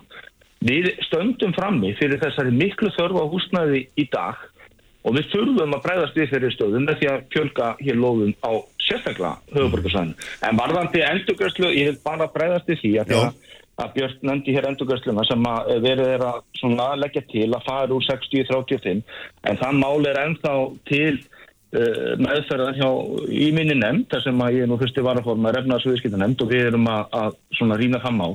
En þar hef ég einmitt bent á hvort að það væri skinsanlegt uh, að horfa til þess að taka þá aðeila út sem að jafnvel að því að Björn nú tala um umhverfismólinn jafnvel þá aðeila sem er að byggja umhverfisvænt eða það er að byggja ódýra litlar hafkamnar íbúð, íbúðir. Við erum að sjá félög hérna eins og bjarg og búsetta og annað sem er að byggja inn í ákveðna hópa samfélagsins. Er skynsalegt að aðlaga þessa aðgjör að einhverjum ákveðnum hópum. Þannig að það er nú ekki búið að taka endanlega ákveðin en, en, en þessi tilvæðan líkur auðvitað fyrir. Já. En eitt hérna águst að það er vaksta ákvörunar vika framöndan og nú hérna, mann ég ekki eins og hvað Sælabankin hefur að haka vexti oft í röð það er orðið svo oft hérna, og ég býst við því að þó ég sé ekki, ég sé ekki með sérstaklega greininga deilda hérna, það verður nú reyndi núna líka Já, Já ég meina ég held að sé 13. skiptið ef að það kemur til vaksta hækunar núna eða 14. Það, ég auðvitað bara hef ég, og ég átta mig alveg á því að þetta er það tæki sem að Sælabankin hefur til þess að að svona hafa heimil á, á verðbólkunni og, og draga úr neyslu. Og ég hef alveg skilning á því. En maður fer samt sem áður þegar þetta er búið að gera svona oft í röð og við sjáum bara að það er alltaf hækka í samfélaginu, það er bara, það eru lánin mandakar og tryggingar og bara sama hvert í lítum það er alltaf hækka. Og þá hefur maður áhyggjur af því að þessar vakstahækkanir farið bara að býta svolítið í skotti á sér og við séum að sjá það að, ég menna, aðilar eru þetta að henda þessu út í verðlag að við séum að stefna í einhvers konar ekki innflutta verðbólgu heldur kostnæðaverðbólgu. Þá, er, þá er, er þetta úrræðið einhvern veginn farið að býta í skottið á sér að mínumandi. Og ég hef ágjörðið. Já, já, ég heyri það. Heyrði, ljómandi gott. Bestu þakki bæðið tvö. Hérna, fyrir að koma að vera með mér. Ég ætla að fjalla um kval með þér hérna eftir augnablík Átni Finnsson og Teitur Björn Einarsson. Sprengisandur. Á bylgjunni. Brettir þjóðmál og pólitík. Sprengisandur á bylgjunni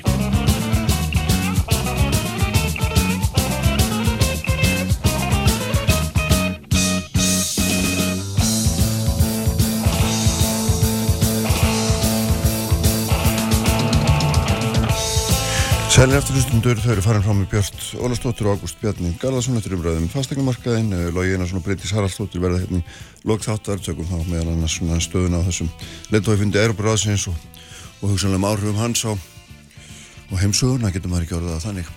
En hérna maður ætlar að vera mjög skaldlegur en þeir eru konni tíminn Teitur Björn Einarsson og Átni Finnsson. Teitur auðvitað aldingismæður uh, og Átni Finnsson formaði náttúruvendarsamtaka Íslands.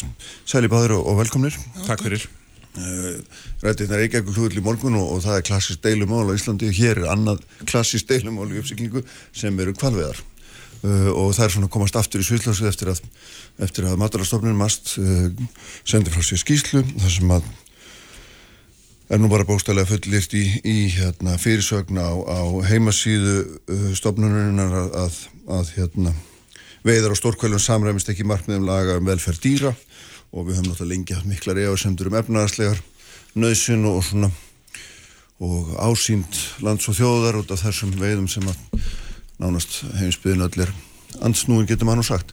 Sko hérna og, og matvælar á þeirra Sandi Svæðstóttir hefur líst yfir að það þurfi mjög sterk rauk til þess að endur nýja útgáðu veðilega þannig að svona nú verist fóki í fleskjól þú erst nú hins vegar þeirra skoðunar að að okkur beri að halda þessu áfram ekki sett Ég hef eh, talað fyrir því og sagt að kvalveðar eru löglegar. Það er byggja á vísandalegum grunni, þetta eru sjálfbarar veiðar í því tilitunum til. Það eru samræmi við alþjóðalög og uh, það byggja líka á þeirri hugsun að við erum uh, þjóð sem byggjum velmögun okkar mikið til á sjálfbari nýtingu öðlinda hvort sem það eru fiskveðar eða annars konar nýting öðlinda, fallvatna eða jarðhitta og þau sjónamið að okkur takist að halda því áfram er ekki gamaldags eða úreld eh, þegar við horfum á kvalveðar svo einar og sér þá skiptir máli fyrstulega þetta. Er, þetta er ekki dýr sem við erum að veiða sem er í útrýmingahættu og um, það sem kemur fram í þessari skýslu er er ákveðin tölfræðum hvernig staðið er að veiðunum. Mm -hmm. Aðalandrið þarna finnst mér vera að þessa veiðar eru í, í samræmi við lög. Það er ekkert í þessu skýslum sem segir þarna hafi verið fram í lögbrott. Þart á móti það er bara fullirt að þetta sé í samræmi við lög og veiði aðferðin er svo besta sem að til þekkist. Og þá kemur spurningin hvaða er það sem að telst óásættalegt? Hvaða tölfræði er það sem segir að 75% dýrana eru skotin með einu skoti, tæplega 60% dýrana deyja samstundis og, og þá fullir er þessi stopnun að þetta sé óásættalegt. Gott og vel, það má hafa á þessu ymsa skoðanir, mm -hmm. en ég hef verið að spurja byrju, hvaða viðmiðanir höfu við? Það er, eru ekki lögum, það er ekki lögum um dýravelferð eða lögum um kvalveðar. Hvaða viðmiðanir ætlum við að styðjast við hvað telst vera áhætsættalegt uh, við þessa veiðar. Er það 95% er það 90% er það 99% mm -hmm. og hver er bær til þess að setja þessar viðmiðanir kvalveiðar, nú eða aðrar veiðar á viltum dýrum? Við getum þess svona farið uh, þangað. Mm. uh, þannig að mér, mér þykir alveg ljóst að ef að á að takmarka atunufrelsi samkvæmt stjórnaskráni og atvinnur réttindi þá getur það ekki byggst á svona huglægum matskendum sjónarmiðum eins og haldiði fram að þessa veiða séu óásættalega. Mm. Ég hef fullan skilning á því að, að skoðanir eru skiptar og, og, og er skoðanir að þetta sé ekki réttlutalegt eða alveg rétt á sér en ég segi ákvarðanir stjórnvalda þar sem að þau þurfa að byggjast á lögmætisreglunni og taka mið af ákvæðum stjórnarskrárinar þær geta ekki byggt á slíkum geðþótt ákvörðunum mm -hmm. eða geðþótt að sjóna miðum öllu frekar. Áttu, þú ert nú gammal í hættun í þessar umröðu hérna, allt frá því Greenpeace var einna við mann rétt og kannski jafnvel enn fyrr. Nei, ekki fyrir Ekki fyrir, nei, já Frá okay. 89 Já, akkurat, já. Þetta er orðið dágóðu tími sem þú er búin að taka þátt í þessar umröðu og hérna Fyrst er það að koma núna fram eitthvað frekar í raukhaldur en verið hafa er, er, er hérna Ég skil ekki teit, ég skil ekki teit, þetta er nú svo ógæslegt, bara horfa myndirnar af þessu. Mm, mm. Ég skil ekki hvernig hann ætlar að réttleita þetta með einhverju tölfræði.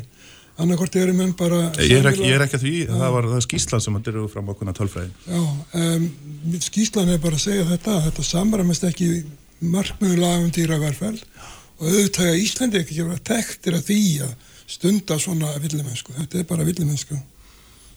Já. Það bara þannig. Auðvitað þá drepast einhverjir kannski meirilutin af kvölunum í fyrsta skottegum þetta hefur verið svona allan tíma mér leysi greinar í morgublaðinum blaðamann sem fór með í veðför og annar kvalurinn var lengi að drepast. Menn þetta er frá 1966 grein í morgublaðinu þetta er bara ekki geðslegt. Og við þurfum ekki á þessu að halda? Mm. og það er ekkert sem segir að þá að einhver dýrategund sé ekki í bráður útrymmingarættu þá megi verði að veiðanum sem sé eitthvað sjálfbært í skilningi Kristjáns Lofssonar menn að þessi ræða hérna á teiti var, var að endur tekníka því sem hann sagði í sjónvarpinu Kristján. Ég held að við hefum bara að banna þetta og við megum það. Mm. við erum fulláta því og við megum banna kvalveðar vegna þess að þeir eru bara ekki gæstlegar bara á þeim rökum svo satt alveg á þeim rökum en það er mörg önnur rök kvalir binda mikið að kólefni þeir eru mikilvægir í viskjör og jarðar eru, þeir eru mikilvægir fyrir okkur þar alvegandi og það er ekki tilfinningar það sem okkur vanda kannski eru stjórnmálumenn sem hafa tilfinningu fyrir hafinu og tilfinningu fyrir náttúrinni mm -hmm. og þar hafa sjálfstæðismenn ekki verið. Því miður og ekki útgjörðamenn heldur Sko, akkurat, hérna bara vegast á yfir sjónamið og mm. þau, ég hef ekkert út á þessi sjónamið árna að setja í sjálfu sér, hann, hún frálst að hafa þessa skoðun og allt, allt gott um það að segja. Hér eru við samt að ræða um, um hvaða regluverk ætlum við að hafa í kringum kvalveðar og þá má líka spyrja sér hvaða regluverk ætlum við að hafa í kringum aðrar veiðar á villum dýrum. Ef við erum að horfa hér á lögum dýra velferð og gefum okkur bara það að, að kvalir fallið þar undir og ég ætla ekki að vera að rýfast út í, þeim, þeim, út í það mál mm. eh, skoðum þá bara almennt hver er aðal reglan hún er svo að, að, veið, að sko, aflífa eða veiða skal dýr þannig að það valdi sem minnstri þjáningu og, og leitast við að það er dýri séu aflífuð sko eins fljótt og hægt er. Þetta er reglan. Hún er mjög matskend. Það fer eftir aðstæðum hverju sinni og eðli hvers veiða fyrir sig hvað er réttaldalegt eða hvað er í samræmi við lögin og hvað er í ósamræmi við lögin. Og þess vegna getum við búið saman sko þess vegna reyndýra veiðar ef að dýr er ekki aflífað í fyrsta skoti. Betur hvað er viðmiðun í því? Við að fara lengra og spyrja um veiðar á viltum fugglum eða, eða við þurfum að setja niður fyrir okkur betur hvað er það sem að telst vera áasættalegt eða ekki? Og þegar kemur að kvalviðum þá er þetta rétt sem þú segir. Það er í sjálfur sér ekkert nýtt í þessu. Við höfum vitað að yfir á ein, 150 ár sem kvalviðar hafa verið stunda hérna svona setni tíma hvernig þessar veiðar fara fram. Og uh, vissulega held ég að þessi þannig að við sem ná betri árangri með betri búnaði, betri mm. þjálfun mm -hmm. og uh, það er komin svona skýrari lína hvernig er best að aflifa dýr og, og svo framvegis. En finnst þér bara í raun og veru er Aðalatir þetta, hvað hefur að setja niður fyrir okkur Já. sem viðmið í þessu? Er hlutfallið að 75% dýrana deyr við fyrsta skot? Af hverju er það óásættalegt hvað hefði nú verið sagt? Hefði matálastofnun grundvelli þessara tölfræði sem likur fyrir þessari skýslu ef að stofnunin hefði bara fleiktið fram og sagt já þetta er ásættalegt Myna, þetta er já, hún hefur alveg það, sett það fram sem sína skoðun mm. þetta er þá skoðun þessara manna sem að skrifa þessa skýslu að setja þetta fram en hún er ekki hún er ekki, hún er ekki byggð á neinum rökum eða einhverjum lagareglu sem segir mm. að þetta sé brot á lögum, það er ekki þannig en þessin er ég að spurja hvað er ásættalegt, mm -hmm. Hvaða, hvert það hlutfallið að vera Svo getur maður á móti spurt eins og áttin spurði á það er er einhver nöðsynlega að gera þetta? Er þetta, okkur ber ekki skild allar stundar sem við, það er ekki, það er ekki hérna, engar efnarslegar aðstæður, það er ekki engar félagslegar, þetta er ekki snýst ekki matvinnu uppbyggingu, það snýst ekki um, um hérna, sérst galduristtekjur en ég minna það er ekki, þetta er ekki umsöga mikið að þú tekur þetta í heildarsamhengi hérna, efnarskerfisins og svo framvegs Þetta er engar síðast aðsimi Já, ég veit það alveg, ég veit það ég er að segja, er að, rögin fyrir þess að geta ekki bara verið þau að þetta sé hægt Nei, nei, en það, er, það heldur ekki rökin. Fyrstu, kannski rökin sem maður er að horfa til er, er stjórnvöldur heimilt að banna þessa veðar. Ég hef, ef að sendur það, eh, ef við ætlum að fara gegn... Sko, en við höfum náttúrulega heimilt þess að takmarku... Já, já, já, býta. En hvað er kvótakerfi? En hvað er kvótakerfi? Er það ekki takmarkun á veð? Já, ég skal svara þessu. Ef við takmarkum aðtunufrelsi og aðtunuréttindi, þá þarf að liggja til grundvallar einhverju almanna hagsmunir það þurfa að vera einhverja almanahagsmunir og ágætt ræða árna hérna áðan eh, hún sem sagt vísar samt ekki í almanahagsmunir það þarf að vera eitthvað meira og, sem að réttlættir mm -hmm. takmörkunum þessum slíka ég er þeirra skoðunar að ráð þeirra sem að á næst ári kýsa endur nýta ekki leifi segjum þeirra sem segjum kvalviðar á grundvöldi geðþóta af því að ráð þeirra er á móti kvalviðum hann getur það ekki mm -hmm. hann getur ekki farið gegn lögunum og stjórnskipun landsins með þeim hætti Nei. það verður að líka eitthvað annað til grundvallar vissilega getum við þá sett reglu sett í lögin eh, hvernig ber að standa veiðunum hvaða viðmið eigum að hafa eh, og ef það er broti gegn því þá verður þetta líka að horfa ákveð meðalhófa á að sekta fyrirtæki Akkur er þetta ekki búið fyrir löngu-löngu síðan hvaða svovanda hátur er þetta teitur? Já, það er ekki mitt að, mitt að svara því. Lögin eru frá 1949 þeim er aldrei verið breytt vegna þess að það er einhver maður sem heldur þetta í fram að hann hefur enga leifað þegar við að kvalið í Ísland.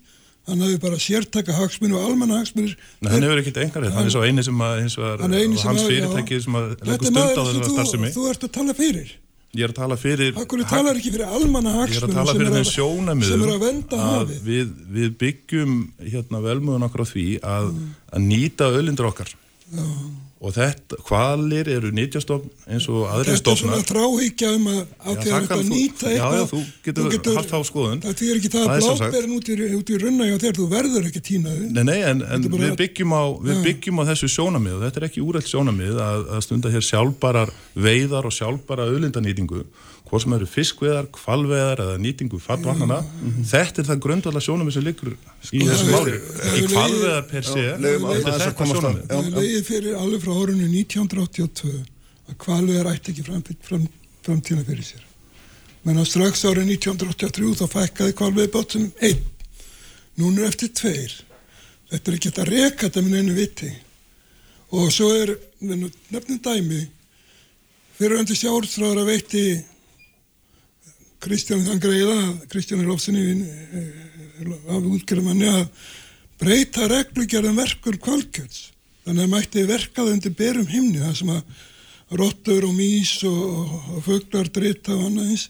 Þetta er, þetta er gegn lögum og við munum beita okkur fyrir því að þetta verði bannað að, að gera. Það verður náttúrulega ef það verka kjöt á að gera það eins og í slátrúsum en ekki út í, út, út í berum himnum. Þetta er bara þetta er einn sko, stjórnmálumenn því miður og sérstaklega í sjálfstæðafloknum hafa borðið Kristján Loftsson að höndum sér í gennum áratögi og ríkið hefur lagt út fyrir hundruð og ekki miljardar króna til að halda sem kvalum þú séur nýta öðlindir hvað maður þá kosta í uttalansverðum og öðru slíku sem að þarf að, að, þarf að vinna að hendi? Menn að þetta er náttúrulega verið að sko halda undir hendurna manni sem að ætti bara að borga þetta sjálfur Já, nú sko er orðin að fara með þetta eitthvað á svona persónulega svona mm. ræða hérna persónulega leikandu sem ég til ekki í rauninni skipta máli í þessu, þessu samhengi. Mér finnst það skipta máli á ríkja að borga alveg óhenni upp Við erum með fyrir framann okkur Þegar hennar manns og hann geti nýtt þessa öðlinn sem þú tilur sig algjörlega ja, Hann eða aðrið sem að það ja. kjósa að gera og, og, og það er þá bara þeirra réttur að gera það. Og það er nefnilega út af það gengur atvinnufrelsis ákvæði stjórnarskrárunar og atvinnuréttinda ákvæði það er bara fyrir ekki mangræna álið hver má gera hvað. Við erum búin að leggja fyrir okkur að þessi starf sem er lögleg, það eru okkur lög um kvalveðar, það er eftirlit með þessum veiðum það er byggja á vísindalegum grunni. Það er, það er, það er staðrind það er staðrind þetta er í samræmi við vistulega í alþjóðalög. Veiðarnar nei, eru í samræmi við alþjóðalög. Þetta eru í samræmi við íslensk lög sem fyrir ganga þvert gegn alþjóðalög og víst byggja það er á vísindalegum grunni. Ah. og það bara má spyrja Hárafnarstofnun mm. segir við hafið hér í kringum Íslandi ef, við til ekki langreið þá skils mér það sé um 40.000 dýr. Og veiðilegi gefið fyrir um 200 dýr það er dýra í útrymmingarættu hver segir það, bandaríkin? Sætis. Já, bandaríkin eru með sína, sína skoðun og sagði, reglur og þeir eru það sko. Sætis er eh, Convention International Trade in Endangered Species það er bann. Já, við höfum ekki gengist undir einhverja slíka skuldbindningar nei, það getur vel verið. Sko, 180 ríki á samt gerta já, já, og þetta er bara eins og með eh, hérna, fílabeinin það er bannað að vesla með fílabein það er bannað að vesla með langræðar Já. Þetta er náttúrulega alveg til skammar fyrir Íslandi. Langreður í Íslandsrendur er ekki útrýmingahættum. Nei, það, það er samt alveg, alveg staðrind að það er engin markaði lengur fyrir kvalgjönd, ekki svo að ég menna, ef ekki staðrind svo þetta... Er ekki mitt verið að selja þetta til Japans, þetta er alþjóða viðskipti? Ef ekki með ala leið í einhverju fristikenslu eins og árum skiptir, ég menna það að verið. Nú veitir þið þá eitthvað meira um þetta en ég, ég er ekki að ræða þetta heldur á þessum fórsendum, ég er að ræða þetta á fórsendum að þetta eru sjálfbara veðar. Mm þær eru löglegar, þær eru samræmið alþjóðalög þær eru þær, þær, þær byggja og, og við erum bara með þannig stjórnskipin hér í landinu að atvinnufrelsið er varið í stjórnarskráni og ef við ætlum að fara þá þá vegferð sem við verðum að árnir að tala hér fyrir að banna þær Já, á hvaða grundilega hefur að gera það? Hvaða hlutlegu viðmiðanir hefur að setja sem að segja að þessar veiðar séu ekki réttlætalegar? Ég get nefndaði mig. Já. Á sínum tíma þegar alltaf kvalverðið samtækti kvalveðbann 1982 þá samtækti Alþingi Íslands að fara að því. Og þar alveg endur voru kvalvega bannaðar. Það var á þeim grundvelli að það var uh, talin hætta á að, að það er fækka svo mjög í hinnum ímsu kvalategundum og ímsum höfum.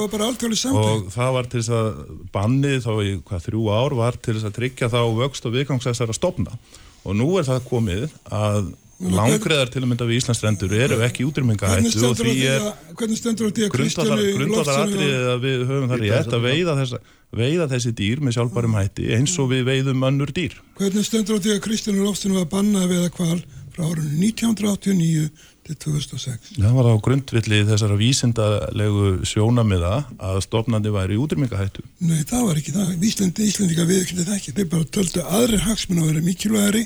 En það var það sem láti grundvallar banninu, sko, sín tíma. Já, það getur verið. En, en það er þá, allavega með stósti, það er, er þá auðvist ef það ekki samkvæmt því að það er hægt að hérna, afnema heimil til kvalveið á ymsum forsendum þó að þú bendir sérstaklega að það sé ekki hérna sam, samkvæmt hérna aðunréttundum sem, að, sem skilgjendur í stjórnarskroni að það er hægt að beita eins sem öðrum rökum Ég myndi telja að ef að, að það lægi fyrir sko, þá mál hjá alþingi að þetta banna kvalveðar Mm.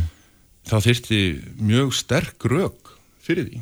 Ég veit ekki hvaða rök það eftir að vera. Ef það er ekki, ekki umhverfislegu rök og vísindalegu rök um að þessi dýr er í útrýmingahættu, Já. hvaða önnur rök eru gild Já. til þess að banna það? svaraði þessu nákvæmlega Sjávarútvegsráðara Íslands, Haldur Áskrumstunum til að byrja með, Þorsteinn Pálsson síðar, þeir ákveða að leifa ekki kolveðar. Þeir gerði þetta bara sem alveg svo söndið sem getur ákveða að leifa ekki kolveðar. Þorsteinn gerði það ekki. En það er náttúrulega byggir ekki á almennum sjónamið Það er það sem við erum að tala um hva, ég, hva, Það, það, hvaða voru, það voru vissi ekki mjög rætt en alltaf sjóna með Íslands voru þau að þau vildi ekki augra bandaríkjunum á meðan að veri verið að ræða um það hvað er marga flugvilar og kemla flugvilli. Þetta voru bara sjóna með Við höfum meiri hagsmuna því að ég er góðum samskiptið við bandaríkjumenn heldur en einn maður fara út af við að hvað. Ég veit ekki betur en við eigum bara mjög góðum samskipti við mandaríkjumennum þessum myndir. Jú, en þetta var Já, en, 1901. en Árni uh, svaraði hans því sem að því það er forvinnilegt þessum teitur er, er að nefna að til þess að banna kvalviðar þá þurfum við að, að, að, að hérna, samþykja það að mönnum sé óheimilt að stunda atvinnu sem þeir eru öðru liti að hafa samkvæmstofnarskroni frelsi til að stunda og við þurfum að finna einhverja lagalega leið til þess Ég er að segja að það eru mörg fordami fyrir því að, kvalveðar hafa verið bannar. Mm. Það voru bannar þarna fyrst uh, 1982, síðan hættu vísindaveðar 1989 og veðarna voru ekki leiðar fyrir 2006 og svo er fullri alveg það 2009 og frá 2009 þá hefur Kristján Lóftsson farið út svona cirka annarkvart ár. Meira hefur það nú verið ekki. Þannig að sko það er engin það er engin, engin regla sem segir að hann verða að fá að veið þetta En ef við sko höldum áfram á grundu þessara skýslu sko, hvað, hvað er næst og hérna, mm, nú er þannig að ráður að kemur fyrir atvinnuvega nefnd á, á þriðu daginn og, og þar verður þetta mál til umræðu og, hérna, og það er bara sjálfsagt mál. Það er líka sjálfsagt að skoða, byrju, eru við að standa okkur betur eða ver eh, við þessa veiðar en aðra þjóðir ef að fá fram þær upplýsingar ef að fá fram hvað hægt er að gera til þess að standa betur að þessum veiðum er uh, einhvers úr tækni í bóði, það hefur verið nefnt sko gerfi grein til þess að bæta mið og, og, og þess áttar að dýrið verið aflífað uh, skjótar. Uh, allir þessi þættir eru er sjálfsagt að vera til, til skoðunar. Uh, það er enginn að segja við erum ekki að reyna að gera okkar besta og, og bæta okkur. Og ég, ég og fleiri sem að erum að tala á þessum grunni heyrum að sjálfsögðu það sjónamið sem er uppi og, og svona þau, þau tilfinningarök Þetta er hjá mörgum vísindar er þetta Þetta eru bara tilfinningarök rök. og þau eru bara mjög góð sem slík Þú ert með horfir á til- þau þú ert já, já. hérna. Já, já, ég, ég er að segja að þetta eru ákveðið svona huglæg, Þetta- huglæg þetta- viðmið sem að segja hvort að þess að veiða séu réttættarlegar eða ekki. Og sjálfsagt að, að hlusta það og byrja virðingu fyrir þeim sjónamiðum öllum. En það eru önnur sjónamið sem að hafa gríðarlega mikla þýringu sem ég er að leggja hérna fram sem verður jafnframt að skoðast í þessu samingi Já, ég vona að Ald- að Alþingi skoða þetta máli vel en ég held að ég segi þetta aftur, áðan, ég vil vona að alþingismenn hafi meiri tilfinningu fyrir umhverfinu, beri meiri ábyrð á því tilfinningarlega séð, en þess að þið hafi farið að hagsmunum útgerðar allt og lengi. Ég að aðalatri sé að við séum að fara eftir þeir meirreglu sem að byrtist í lögum um dýravelferð og annar staðar. Að við veiðar á viltum dýrum sé ekki verið að valda dýrum óþarf á þjáningum og það sé aflífað eins skjótt og hægt er. Það er það grundvala regla sem að við erum að horfa í hér. Uh, hvernig getum við gert betur í henni, við, það er það sem við þurfum að ræða. Uh, en það er bara meira undir mínum að en hvalveðar einar og sér. Já. Það getur þá verið bara hvernig við leggjum stund á veiðar á viltum dýrum á Íslandi. Ég held að sé nú ekki að bera saman sportveðar og reyndýrum og svo við. Já, akkur ekki. Það var náttúrulega í eina tíu, ég veit ekki, við þurfum náttúrulega, og ég ekki kannski ósmarsæði að fara út í það, en, en bara því að það var nú hérna áður fyrir alltaf talað um að ef við myndum gefa þetta eftir, hætta við að kvali sem sagt, að þá getur samtök komið næst og ráðist, eða ráðist, krafist þess að við hættum fiskviðum það var hætt með okkur já, sama ég rétti að segja að einhverju tiltekni stofnar væru er illa staddir. Já, Já, það er það er bara fram að- ekki lausulofti gripið að, að, að veiðar og viltum fiskistofnum Mm. séu líka sæta, hvað maður segja, gaggrinni vísvegar um, um heiminn að þær séu ó, ekki réttlætanlegar. Við segjum hygglust sem fiskveiði þjóðu, víst eru það réttlætanlegar, er byggja á vísindalegum grunni að tryggja sjálfbærni þessara nýtjastofna og við munum halda því sjónamöðum á lofti. En þú Í þessu sem að og öðru. það vel að þeirra að uh, við fiskveðar við þeim er í algjör mínus. Það er rétt, það er rétt, en ekki hér við Íslandsstrendur. Nei, en það er heldur aldrei voru því að neinn samtök hafi komið hinga og sagt ég mikið við að fisk. Þetta er alveg eins og með þetta kenningunum að ef við veðum ekki hval þá fjölgar ekki fisknum. Þetta er bara, þetta er bara önnur svona uh, ruglkenning, skilur mig. Já, þú segir það, ég bara þekki það ekki og það verður bara fróðilegt að skoða samspil sko, lífriki sjáar við Íslands strendur. Ég held að við erum mikið undir því sem að vita sem best hva, hvert ástandi er, hvernig getum við tryggt endur nýjanleika þessar auðlindar sem að hafið er í kringum okkur Mm. og því meiri upplýsingar og rannsóknir sem við gerum því betra og ég er fylgjandi því. Ef þið getur unni meira í lofslagsmálum þá held ég að það sé mjög gott, gott skrefir þetta átt. Ljómandi, herðu, bestu þakki báðu tveir Þú komist ekki lengri í, í byli með þetta en hérna, Takk, takk. þetta heldur áfram núna í vikunni í atvinnum að nefndinni svo þetta nefna þeir við sjáum hvað hérna sjáum hvort, hvað er áþara nættir að gera. Bestu þakkir, höldum áfram hérna eftir smástund með loga einu sinni og brindísi Haraldsdóttur. Sprengisandur, alla sunnudaga á bylgjunni. Láttu þér líða vel. Björt og brosandi. Þetta er Bilgjan Sprengisandur á Bilgjunni alla sunnundasmórna Sælir afturlustendur, þeir eru farnir frá með Teitur Björn Einarsson og Átni Finnsson eftir fjöraðar umræður um framtíð kvalveða hér við Íslands strendur uh, en ég ætla að fara í alltanamál eins að fjalla hér um leittófund uh, Európarásin sem var hérna. Fyrir skemstu uh, Lói Einarsson er með okkur í símanum norðan og höfust og Norrlands Akureyri, Sælir Blessaðlögi Já, blessaður. og Bryndís Haraldsdóttir uh, Valningismæður líka er hérna hjá mér í stúdíunum Sælir Blessaðu og velkomin Takk fyrir. sko hérna það, það er svona ég veit ekki sko maður, þegar, ég að, þegar ég var að fara í gegnum heimspressuna en maður byrja það að leita fréttum þennan leitu að fund. Þá fann ég nú ekki mikið. Og þessi heimsögli viðbörður sem að utryggsráþarann gerir nú meðal annar mikið úr og þær báðar uh, ég veit það ekki.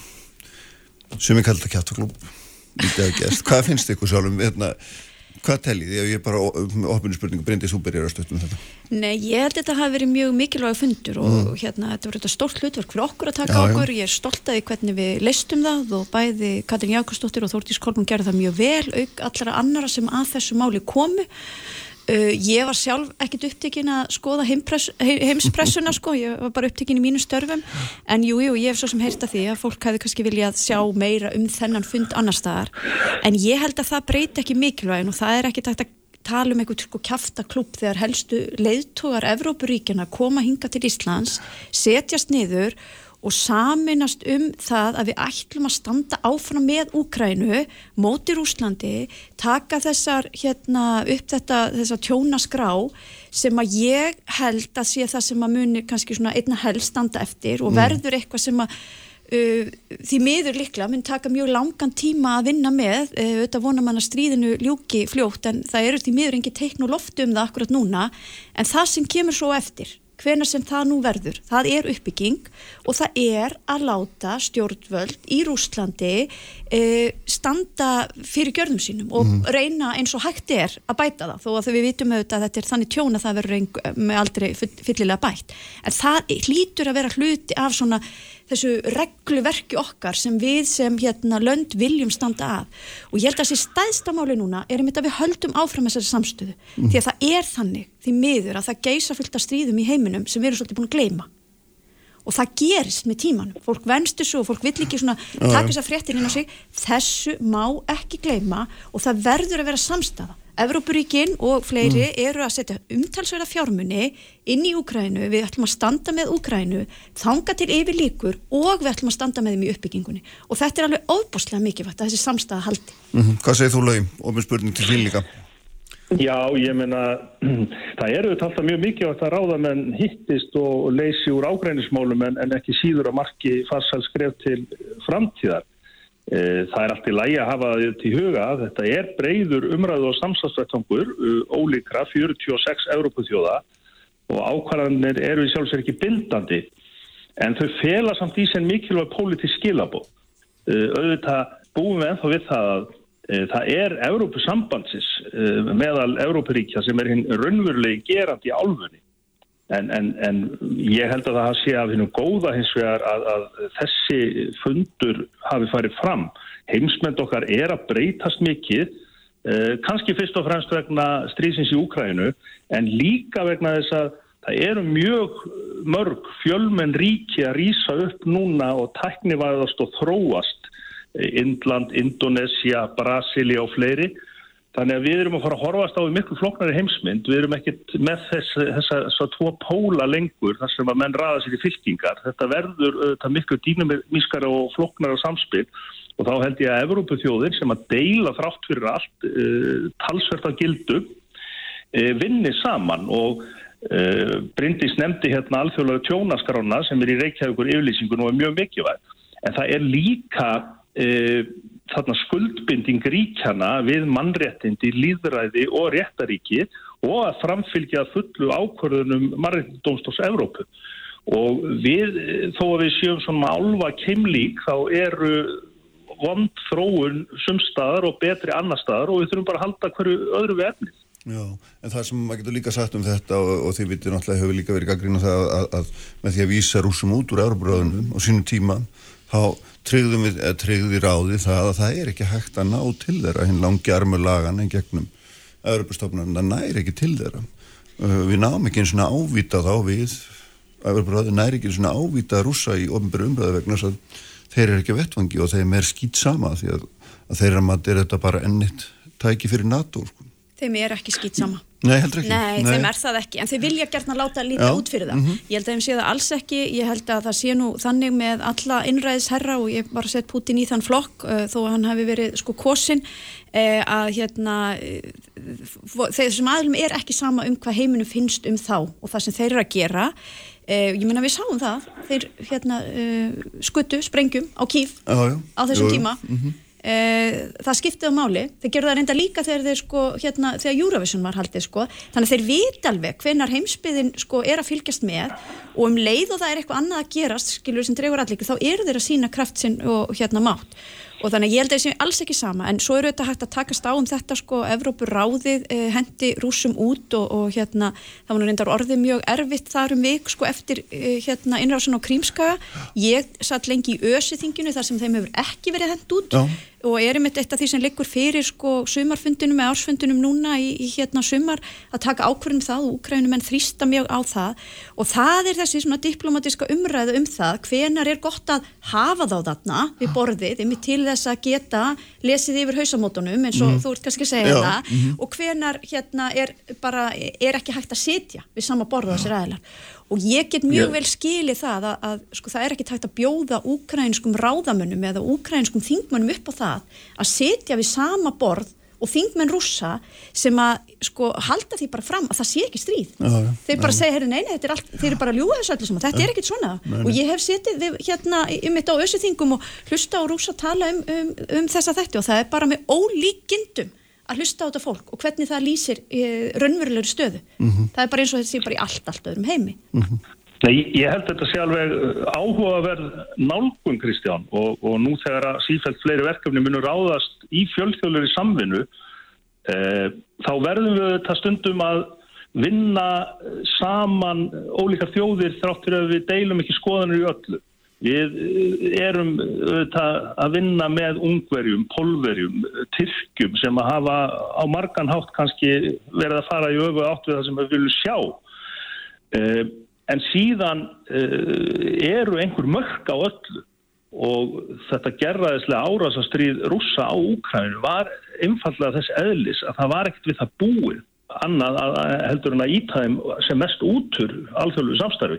Auðvitað náttúrulega höldum við e, svona lámars diplomatískun samskiptum við Íslandingar líka, við rúsa og það er auðvitað nöðsynlegt e, hafa opnar línur en auðvitað líka til að verja okkar fólk sem býr þar en, en hérna það varð einfallega að senda skýrskilabóð og mér finnst það gleðilegt að sjá að Evrópithjóðunar hafa þrátt fyrir allt staði saman og ég held núna með innkomu Svíja og finna í, í NATO, Svíja vonandi fljótlega þá mun Evrópusambandi einfallega taka að sér miklu stærra hlutverk í öryggis og varnamálum því að við erum líka að horfa upp á blikur í lofti hinnum einn hafsins þar sem eru fósittarkostningar innan ekki svo skam, langs tíma. Já, já. Bindi, þú viltu koma inn í þetta? Já, nei, ég, ég deili nú ekki alveg sjóna með um loga um mikilvægi Evrópusambandsins þótt að ég vilji veg þess að vanda sem mestan og vil vera í góðum samskiptum við Evrópusambandið en, en þá held ég að sé svona aðeins vera mikla stöðu þeirra í, í þessum málum. En mér langaði samt að nefna það sko, því ég var nú að koma frá hérna Lettlandi núna bara í gær þar sem að ég var að fundi Eistrasaltsþingsins uh, um samstarfi í austur. Mm -hmm og ég held að bara sé svo mikilvægt eh, við eigum náttúrulega tölvert mik mikið þátt í sögu Eistrasalsríkjana og, og við höfum svona í gegnum alþjóðsamstarfið unni mikið með þeim og, og þjættar og meira núna. E, það er svo mikilvægt að styðja þessa líðræðis umbætur í austri og hérna að þessi ríki þar geti staði saman því þeim stendur þetta alveg gríðarleg ógn af Rúslandi og það er einmitt þegar maður kemur og hittir þessa aðeila hvað maður sko finnur svona átakanlega fyrir ógninni. Eins og þau segja sko, veist, ég menna það var ekkert gefið þeir farin í Úgrænu þeir hefðu þess vegna geta farið í gegnum litáin sko, mm -hmm. þeir voru að beina flugskeitum þangað. Veist, þannig að ógnin er til staðar svo víða, eh, stríðið er í Úkrænu núna en ef við náum ekki viðunandi laust, þannig að þessi stríði ljúki mm og hérna Úkræna endur heimti sitt land þá eru öll þessi ríki í mikill hættu. Já. og ég held að það auki bara mikilvægi funda eins og þessar hérna sem átti sér stað á Íslandi.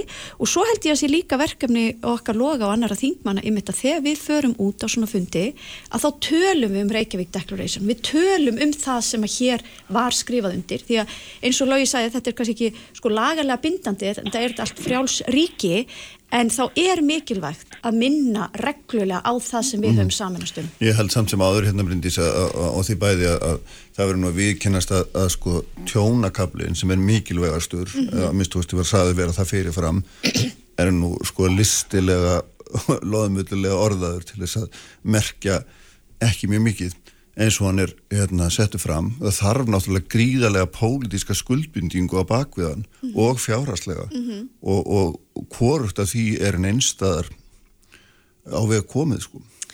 Ég held að það sé alveg rétt og, og, og það er þetta bara mjög flóki verkefni eitt er að lýsa því yfir að, að árásaraðalinn borgi í rauninni hverja skrúu og hvað, hvað, hvað hvert tjón sem hann hefur valdið annað er svo að til lengri tíma að horfa til þess hvaða afleðingar það hefði að sitja þjóði í þá stöðu og, og hérna, við þekkjum það auðvitað, eh, eftir hérna, lok fyrir heimstyrjaldar.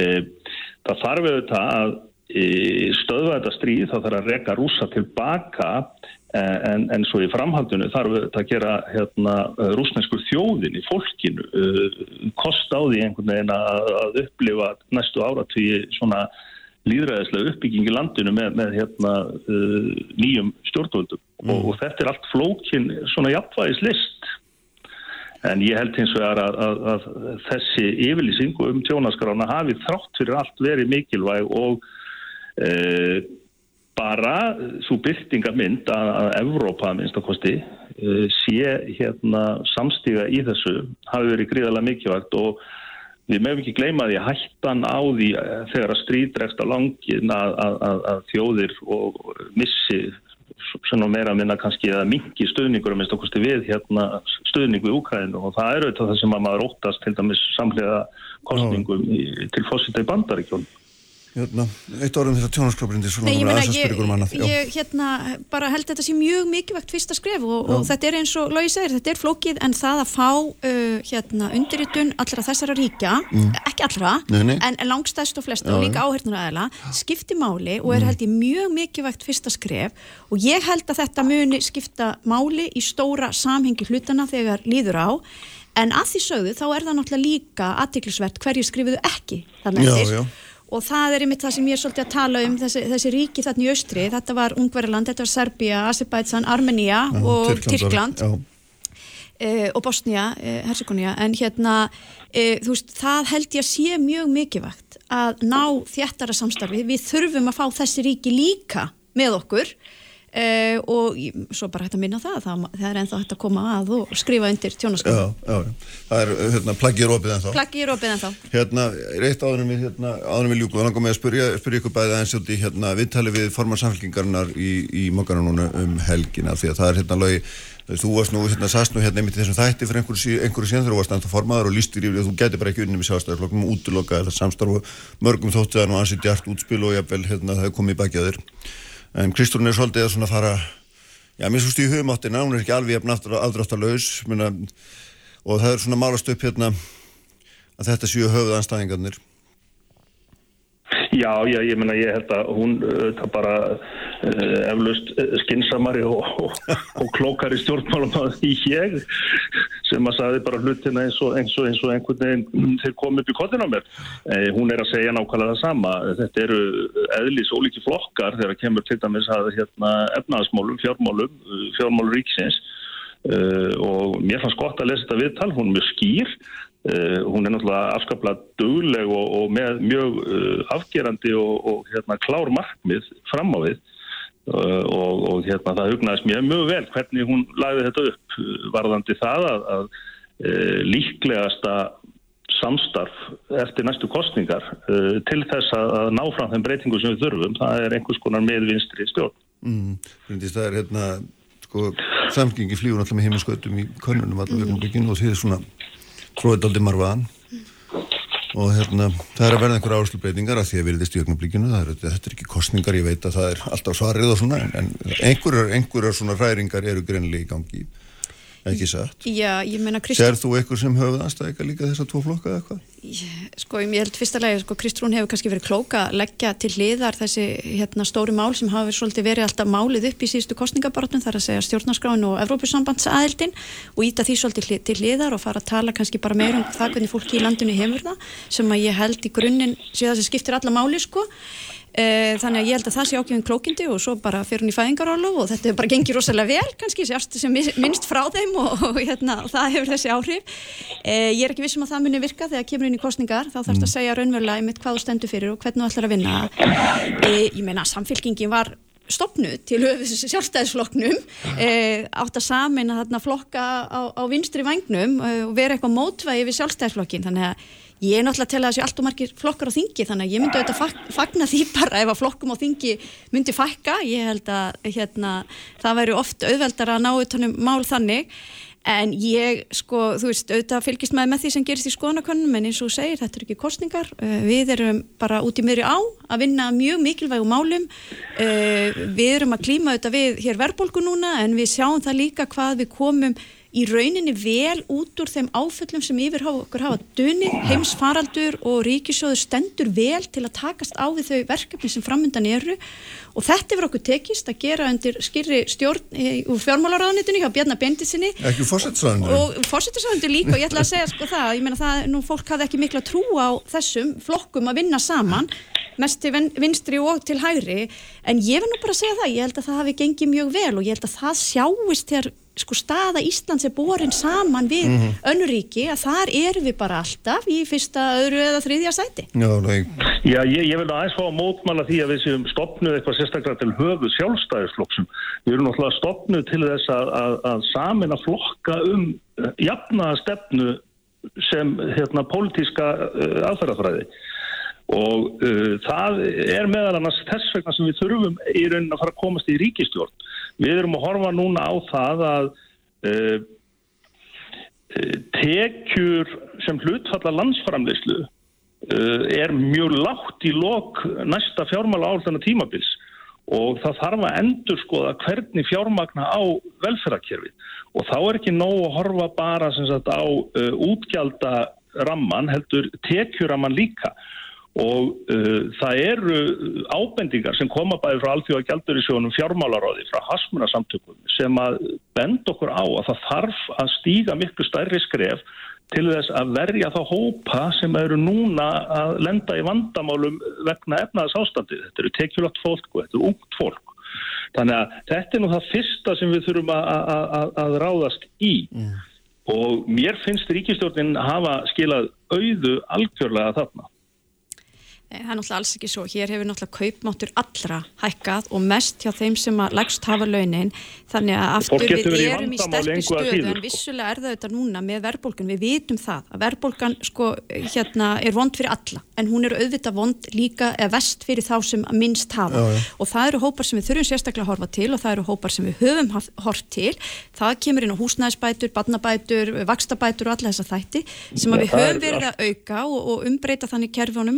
það er fleiri eigi rétt á því sem raunverulega þurfa á því að halda.